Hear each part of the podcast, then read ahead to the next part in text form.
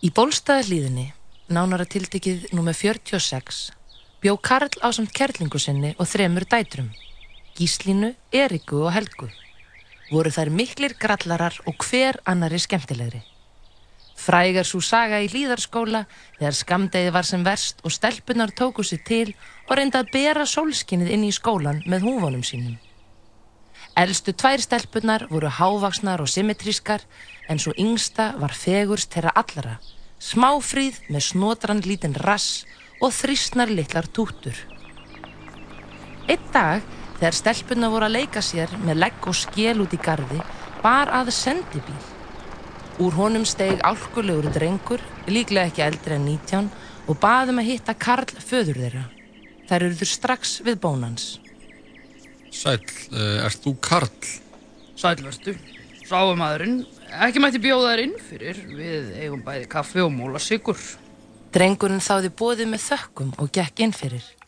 Þegar hann hafi fengið bæði kaffi og með því, bar hann loks upp erindið.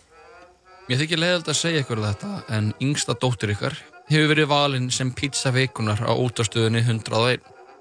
Ég var sendur hingað til að sækja hana og fara með henni upp á stöð. Fyrir ekki, hvað er þetta að segja, drengur? Í hverri viku fá starfsmenn stöðarinnar að velja sér álegg á pítsu frá Dominos og að þessu sinni var dóttir ykkar fyrir valinu og mér ber að fara með hana og leggja hana á pítsubotnin. Þá munur starfsmenn stöðarinnar raða sér í kringum pítsuna, taka mynd, sér með henni, deila á samfélagsmiðlum og svo geta hana. Þegar Karl heyrði þetta, fjall hann samstundið saman og æðarnar í andliti hans sprungu hver á eftir annari, þar til hann var orðin ein blóðbladra. Kerling sem hafi verið að sjóða velling fyrir kvöldið misti samstundis meðvutund og fjall hálfvegis ofan í pottin þar sem hún sögð inn að beinu. Pítsasenditinn gekk inn í garð og tók yngstu stelpuna og flutt hana með sér í pappakassa sem var vandlega komið fyrir í mjúkum álpoka upp á útastöð.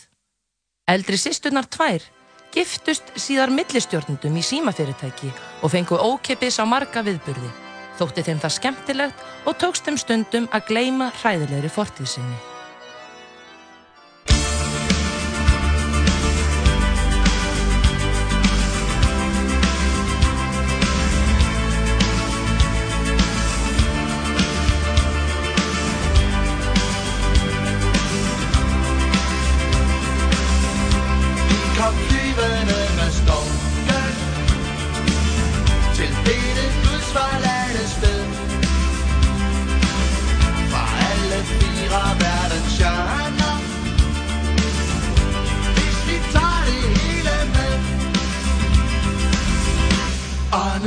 fatty flavor